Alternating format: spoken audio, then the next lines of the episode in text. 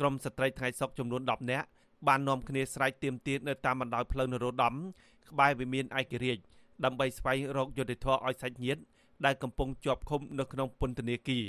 បន្ទាប់មកពួកគេបានដាក់ញត្តិជូនស្ថានប្រតិភូសហភាពអឺរ៉ុបប្រចាំប្រទេសកម្ពុជា ដើម្បីស្នើសុំអន្តរាគមន៍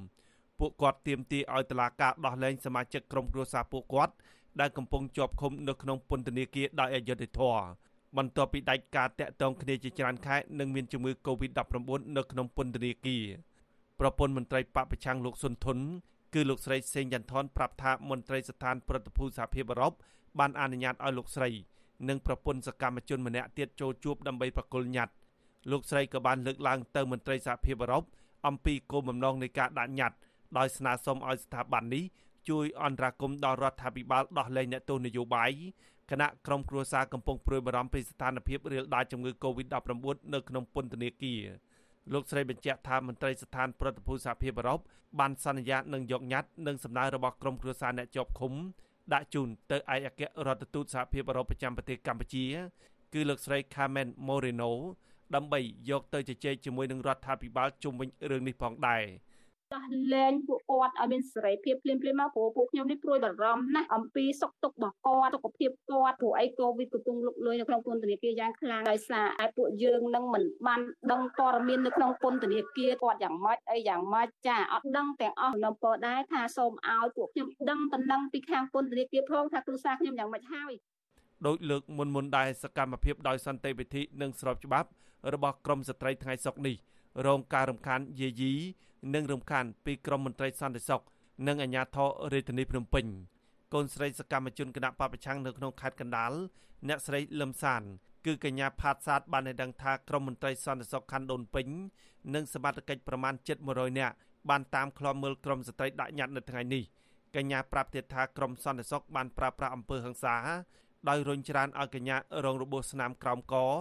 រួមទាំងប្រើប្រាស់ពាក្យសម្ដីមិនសមរម្យ ចាប់ចង និងមាក់ងាយទៅលើក្រមស្ត្រី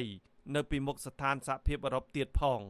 កញ្ញាចាត់ទុកអំពើហិង្សាពីសំណាក់សន្តិសុខនេះគឺជាការរំលោភបំពានលើសិទ្ធិស្ត្រី ពើហ ংস ាលើស្ត្រីខ្លាំងហើយរំលោភសិទ្ធិស្ត្រីហ្មងនិយាយបំពេញទាំងកំរោល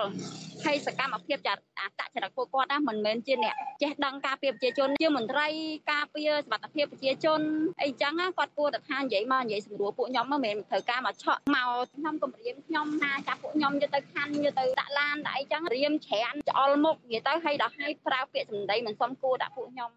តែកតិនទៅនឹងការរៀបរៀងសកម្មភាពរបស់ក្រមស្ត្រីថ្ងៃសុកនេះអ្នកនាំពាក្យស្នងការនគរបាលរាជធានីភ្នំពេញលោកសានសុកសីហាថ្លែងដដែលដដែលថាក្រមស្ត្រីដែលចេញមកដាក់ញត្តិទាំងនេះមិនបានសុំច្បាប់ពីអាជ្ញាធររាជធានីភ្នំពេញក៏ប៉ុន្តែមន្ត្រីប៉ូលីសរូបនេះមិនបានបកស្រាយថាច្បាប់ណា ដែលតម្រូវឲ្យពលរដ្ឋត្រូវការសុំអនុញ្ញាត នៅពេលដែលពួកគេចង់តស៊ូសម្ដែងមតិនិងដាក់ញត្តិដោយសន្តិវិធីនោះលោកក៏មិនបានបកស្រាយដែរថាតើច្បាប់ណា ដែលបានបើកដៃឲ្យអាជ្ញាធរនិងក្រមសន្តិសុខអាចបង្ក្រាបនិងប្រើប្រាស់អំពើហិង្សាតាមទំនឹងចិត្តលើអ្នកតវ៉ាដោយសន្តិវិធីនោះដែរ។ជុំឬការដាក់ឯកសារដាក់ញត្តិផ្សេងៗគឺត្រូវមានថាការសុំគោលការណ៍សុំការអនុញ្ញាតឲ្យបានត្រឹមត្រូវពីសាលារៀនភ្នំពេញអញ្ចឹងក្នុងនាមជាអាជ្ញាធរមូលដ្ឋានក្នុងនាមជាសមត្ថកិច្ចគឺគេតែងតែសារចូលរួមរក្សាការពារសន្តិសុខសម្រាប់ស្របជួបជាបរដ្ឋក៏ដូចជា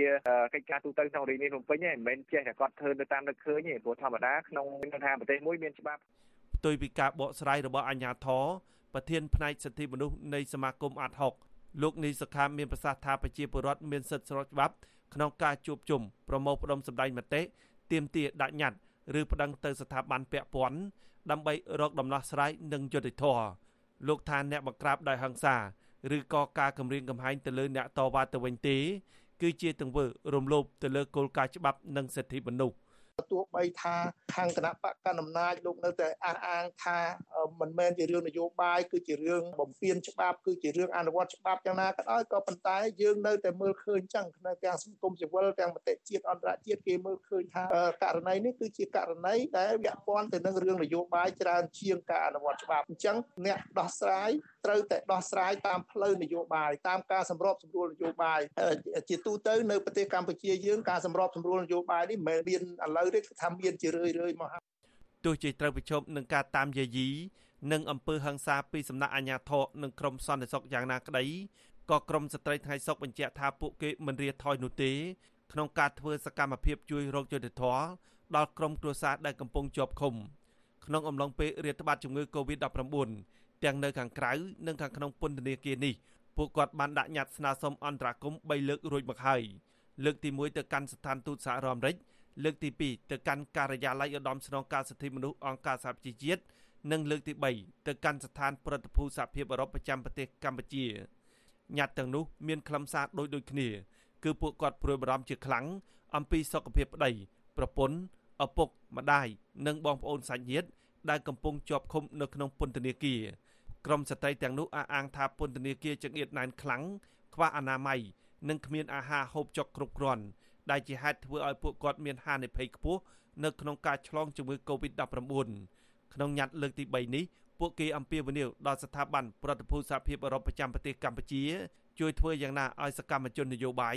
សកម្មជនសង្គមនិងសកម្មជនបរិស្ថានបាននៅក្រៅឃុំជាបដោះអាសន្នដោយពួកគាត់សន្យាថានឹងគោរពរាល់ការកោះហៅរបស់តុលាការឆ្លើយតបទៅនឹងរឿងនេះអ្នកនាំពាក្យអគ្គនាយកដ្ឋានពន្ធនាគារ លោកនុតសាវណ្ណាស្នើឲ្យក្រុមគ្រួសារអ្នកជាប់ឃុំកុំព្រួយបារម្ភពីស្ថានភាពសាច់ញាតិនៅក្នុងពន្ធនាគារលោកបញ្ជាក់ថាប៉ះសិនបើអ្នកជាប់ឃុំមានជំងឺធ្ងន់ធ្ងរខាងពន្ធនាគារនឹងបញ្ជូនទៅព្យាបាលនៅខាងក្រៅពន្ធនាគារជំរាបថាចេះរឿងហ្នឹងយើងចេះតែ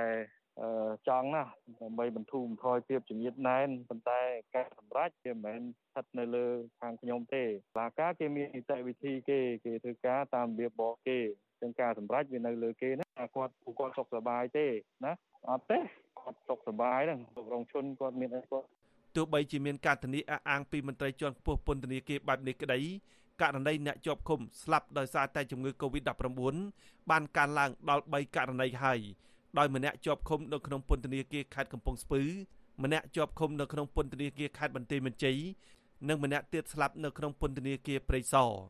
ក្រមស្ត្រីថៃសុកបានលើកឡើងថាតឡាការបានអូសបន្លាយពេលសវនាការនិងឃុំខ្លួនសាច់ញាតិពួកគាត់ទុកចោលឲ្យរងទុក្ខវេទនាដោយមិនបានដឹងពេលវេលាណាដែលតឡាការសម្រេចកាត់ទោសឬសម្រេចឲ្យរួចទោសនោះឡើយពួកគាត់ថាអ្នកជាប់ឃុំទាំងនោះកំពុងរងទុក្ខវេទនា